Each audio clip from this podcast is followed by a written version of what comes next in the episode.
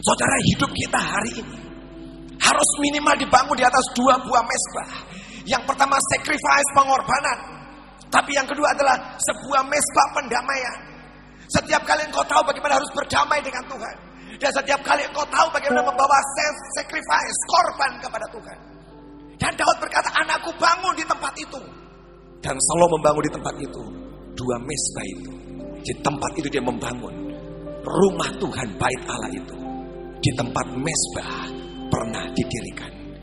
Bagaimanapun juga, di mana tempat Tuhan pernah kerja dengan luar biasa, dia tidak akan pernah meninggalkan tempat itu. Amin. Zion adalah salah satu tempat di mana dia pernah bekerja di awal-awal Batra. Dan dia tidak pernah melupakan itu. Amin. Di tempat ini saya percaya ada sebuah mesbah. Di tempat ini saya percaya ada mesbah yang dibangun yang tidak pernah akan runtuh selama-lamanya. Amin. Sampai Tuhan datang yang kedua kali ada mesbah di tempat ini. Amin. Yang terus dinaikkan, dinaikkan, dinaikkan. Saudara mesbah, mesbah. Kita sering bicara masalah mesbah, saudara. Kita khotbahkan, kita ajarkan, bahkan dinyanyikan dengan luar biasa. Kita ini membangun mesbah dan bukan panggung. Itu kita terus nyanyikan dan kita bicarakan. Tapi pertanyaannya hari ini saudara, apakah benar yang sedang kita bangun ini mesbah atau panggung kita? Saya percaya yang sedang dinaikkan bukan show, yang sedang kita naikkan semua korban yang menyenangkan hati Tuhan dan menyukakan dia. Amin. Kalau hari ini kita terus membangun mesbah, kita ini akan terus dikenan oleh Tuhan. Dan kita akan terus bisa all out mengerjakan apa yang terbaik, apa yang terbaik. Saudara ketika dia selesai membangun rumah itu saudara. Alkitab menulis dia melapisi bagian dalamnya di ayat yang keempat.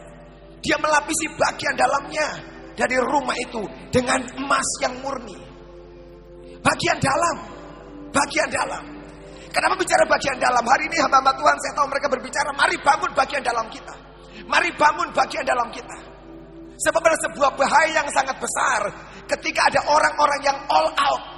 Tuhan ngomong sama saya. Ketika saya menyiapkan firman ini, ada sebuah bahaya yang tidak kelihatan ketika orang mau all out dengan Tuhan. Apa itu? Burn out. Engkau akan gosong dan terbakar. Sebab orang yang all out dan kau tidak punya hati dan di dalam yang dibangun dengan kuat, ujungnya burn out, kecewa, marah dan kau tinggalkan Tuhan. Sebab memang all out itu melelahkan saudara di luar. Tapi kalau engkau bisa membangun di dalammu, seperti yang Salomo kerjakan, dia melapisi bagian dalam bait Allah itu dengan emas. Kenapa bukan bagian luar? Supaya semua orang bisa melihat, oh kebesaran bait Allah dilapis emas luarnya. Enggak, di dalam. Dan ketika Salomo melapis bagian dalam dengan emas, sejujurnya siapa yang bisa melihat emas itu saudara? Siapa yang bisa melihat keindahan emas itu? Siapa yang bisa lihat? Tidak semua orang bisa lihat. Sebab orang biasa di pelataran, di pelataran tidak ada emas yang ditaruh di sana saudara. Yang dilapis dengan emas, ruang kudus dan ruang maha kudus. Very, very private.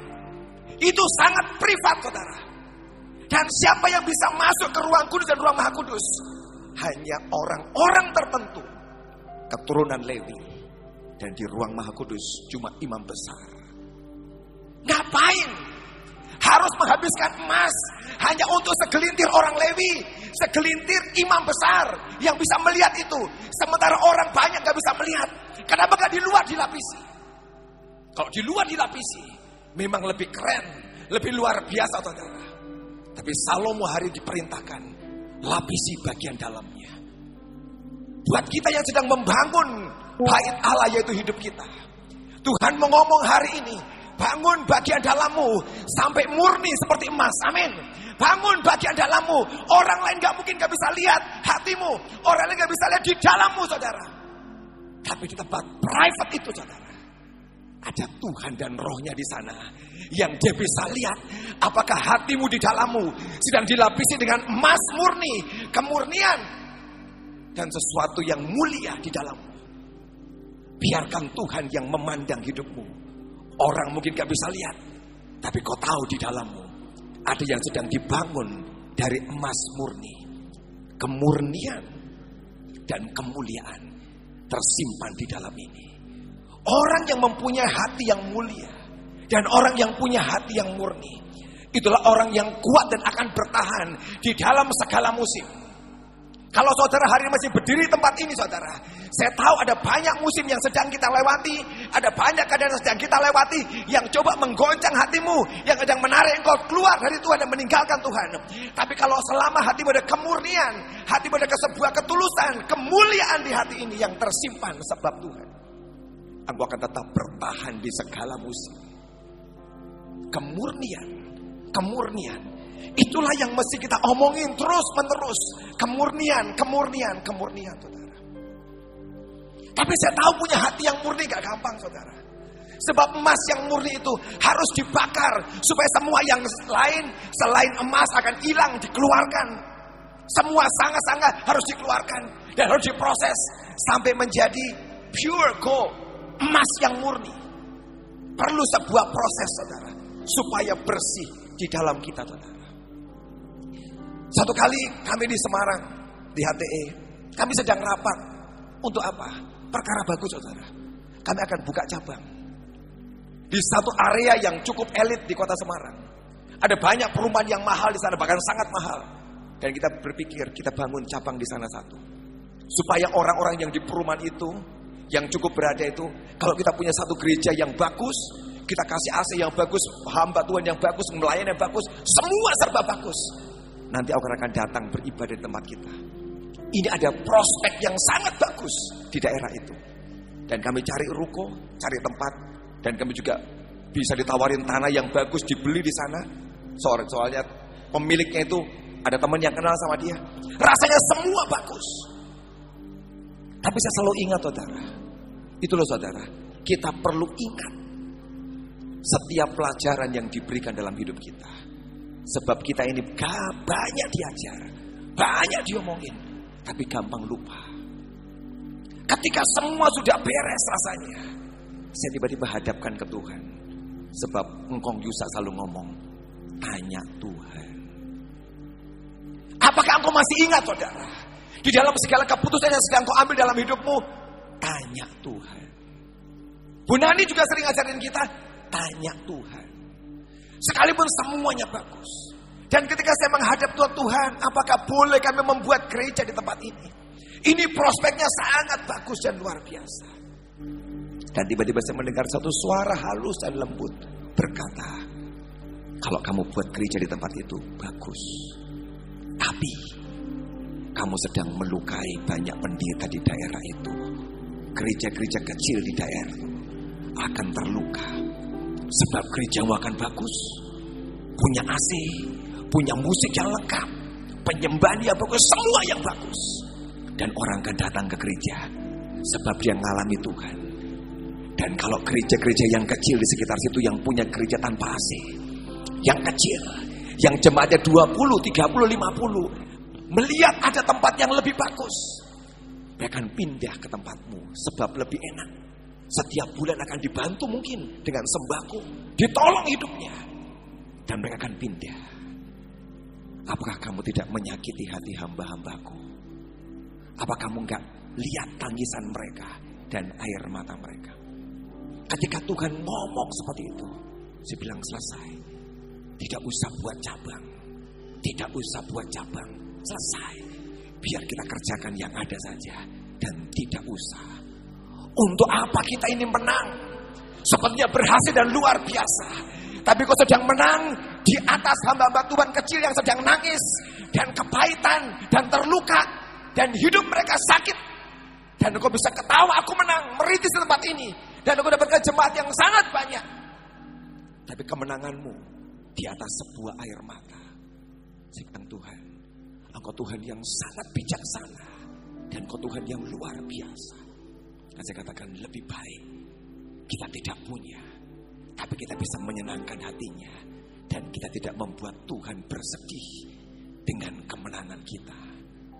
Berapa banyak kemenangan yang kau raih dalam hidupmu dan pelayananmu. Sementara ada banyak orang di kakimu yang menangis yang kau tidak pernah tahu. Dan mereka teriak ke Tuhan, Tuhan kami disakiti, kami dilukai. Dan kau tidak pernah tahu. Engkau berdiri dengan sebuah kemenangan. Tapi ada yang lain di bawah kita yang sedang hancur dan yang sedang nangis. Ketika dia bicara itu, di situlah saya diajari sebuah kedewasaan yang lebih tinggi lagi. Bukan tentang aku, tapi bagaimana tentang hatimu Tuhan dan keinginan. Di situlah saya tiba-tiba tahu kenapa Bu Nani tidak buat gereja. Dia hanya buat persekutuan di tempat ini. Karena sekian belas tahun yang lalu saya dengan seorang hamba tua dari luar negeri datang di sini. Saya tidak pernah lupa dia katakan, Ibu Nani, kamu bisa buat gereja, kamu sanggup, semua sudah ada. Kamu bisa. Dan Bu Nani berkata, tidak. Sebab Tuhan tidak pernah ngomong itu sama aku. Tidak. Dan sampai hari ini, beliau tetap pada calling dan panggilan yang ajaib itu. Tetap aku. Saya baru tahu saudara. Sebab Tuhan ngomong, saya baru tahu. Tunggu sekian lama waktu sampai saya tahu kenapa beliau tidak mau buat gereja dan tetap setia di persekutuan. Sebab beliau tidak mau gereja-gereja yang ada di Cirebon terluka dan disakiti. Dia tetap harus kerjakan bagiannya, memberkati orang, memberkati orang, membangun gereja-gereja, menguatkan gereja-gereja. Dan beliau konsisten sampai hari ini dan tetap jadi berkat. Saudara betapa kita perlu mengerti hatinya, menjaga sebuah kemurnian di dalam hati kita. Semakin kita dibawa naik tinggi, semakin kita ini bisa berbuat apa yang kita mau, saudara. Apakah hari ini kita juga adalah orang yang mau menjaga sebuah kemurnian, menjagai hati kita? Saudara nasihat berikut yang Tuhan katakan. Engkau mencintai Tuhan itu bagus, love of God itu bagus. Dan kita di Bahtera punya hati yang mencintai, mengasihi Tuhan. Tapi tiba-tiba dalam sekian waktu lalu teman saya khotbah, saya mendengarkan khotbahnya. Saya merasa iya Tuhan, love of God tidak cukup. Perlu satu lagi ditambahkan dalam hidup kita, fear of God. Kalau kita cuma cinta Tuhan, kadang-kadang kita nggak takut akan Tuhan, kok saudara. Sebab mungkin saking dekatnya dengan Tuhan, saking akrabnya dengan Tuhan, tiba-tiba ada familiar spirit, mungkin oh biasa kok dengan Tuhan. Dan takut hormat akan Tuhan menjadi menurun berkurang dalam hidup kita, saudara. John Bevere, dia tulis satu buku dan dia berkata tentang satu wawancara satu kali. Dia ke penjara, saudara. Dan dia ketemu dengan seorang hamba Tuhan senior yang dipenjara karena sebuah kesalahan. Perjinahan dan pakai uang gereja. Dia di penjara, dia tanya, Pastor, kamu kan orang yang cinta Tuhan, orang yang luar biasa. Kenapa sampai kamu bisa melakukan kesalahan dan pelanggaran yang besar ini? Apa kamu sudah kehilangan cintamu pada Tuhan? Dan pendeta besar ini berkata, aku cinta Tuhan. Cuma satu yang aku tidak punya. Fear of God. Takut akan Tuhan. Aku gak punya. Yang itu membuat aku salah dan jatuh. Dan aku tidak pernah merasa ada tuduhan dalam hatiku. Aku tetap mengerjakan kesalahanku. Hari ini kita perlu love of God. Tapi kita juga perlu fear of God di dalam hati kita. Kalau engkau diangkat tinggi, berhasil dan sukses, biarkan kita tetap punya fear of God dalam hati kita. Di dalam bait Allah itu dibangun batu, pasang batu-batu permata yang sangat berharga dan sangat mahal. Biarkan hidup kita ini kita susun dengan semua batu-batu permata yang mahal. Batu permata tidak di permukaan, tersimpan di dalam tanah. Karena tekanan dan proses panas bumi menciptakan batu-batu permata yang mahal di permukaan batu yang murah, tapi di dalam tanah itu batu yang mahal. Sebab apa? Lewat sebuah proses pembentukan Tuhan. Kalau engkau diangkat Tuhan dan dijadikan orang yang mulia dalam hidupmu, biarkan tidak pernah kehilangan fear of God di dalam hati kita. Tidak pernah kehilangan fear of God dalam hati kita. Yang terakhir, saudara, sekian hari yang lalu, ketika saya berdoa pagi, Tiba-tiba Tuhan ngomong dalam hati. Karena hari itu kami rencana mau masang tambahan lampu yang bagus saudara di gereja. Ketika mau tambahan lampu dihitung sama teman yang ngatur dan semuanya sudah oke okay kok. Kita punya duit oke okay semua. Dan pagi itu saya berdoa Tuhan. Bagaimana tentang pemasangan lampu? Dan satu kata yang lembut bicara dalam hati saya. Apa kurang yang sudah ada? Apa kurang? Ketika kata itu muncul apa kurang yang sudah ada. Saya tahu maksudnya. Kalau sampai engkau tidak tahu, kurang Tuhan, keterlaluan. Saya tahu ketika bilang apa kurang Ya Tuhan aku tahu, engkau tidak mau. Dan saya berkata aku akan ngomong pada yang ngatur lampu nanti. Tidak usah beli, batalin aja. Dan dua hari kemudian saya ketemu dengan yang mau masang lampu. Dan dia berkata bagus, Tuhan nesu. Kenapa? Saya tanya, Tuhan nesu. Tuhan marah. Dan pagi hari dia berdoa, Tuhan ngomong ini. Mentang-mentang punya duit. Mentang-mentang punya duit. Kamu beli lampu yang sangat mahal itu dan pasang instalasinya. Dan kamu tidak tanya sama aku. Langsung teman saya berkata, tak batalin. Saya bilang, betul. Dua hari lalu dia ngomong sama saya dengan cara yang lembut. Apa kurang? Dan hari itu kita batalin. Saudara hari ini target kita bukan panggung yang bagus dengan lampu gemerlapan. Tapi yang sedang dia target dalam hidupmu adalah di dalam kita. Itu target yang paling kuat yang Tuhan sedang kerjakan hari ini. All out di dalam kita. Dia akan lapisi dalammu dengan emas. Dia tempel dengan semua batu-batu mulia. Walaupun di luarnya cuma batu biasa. Tapi target all out yang paling besar di dalam kita. Supaya kalau engkau bisa di dalammu mulia. Yang di luarmu tidak ada burnout. Tidak ada orang yang lelah, capek, marah dan tinggalkan Tuhan. Engkau bisa kerja all out. Tapi di dalammu tetap bagus dan mulia. Dan kau akan terus kuat. Sampai dia datang di awan-awan. Dan kau sambut dia. Amin. All out. Dia pengen tetap kuat anakku. Kerjakan yang terbaik. Tapi di dalammu juga luar biasa.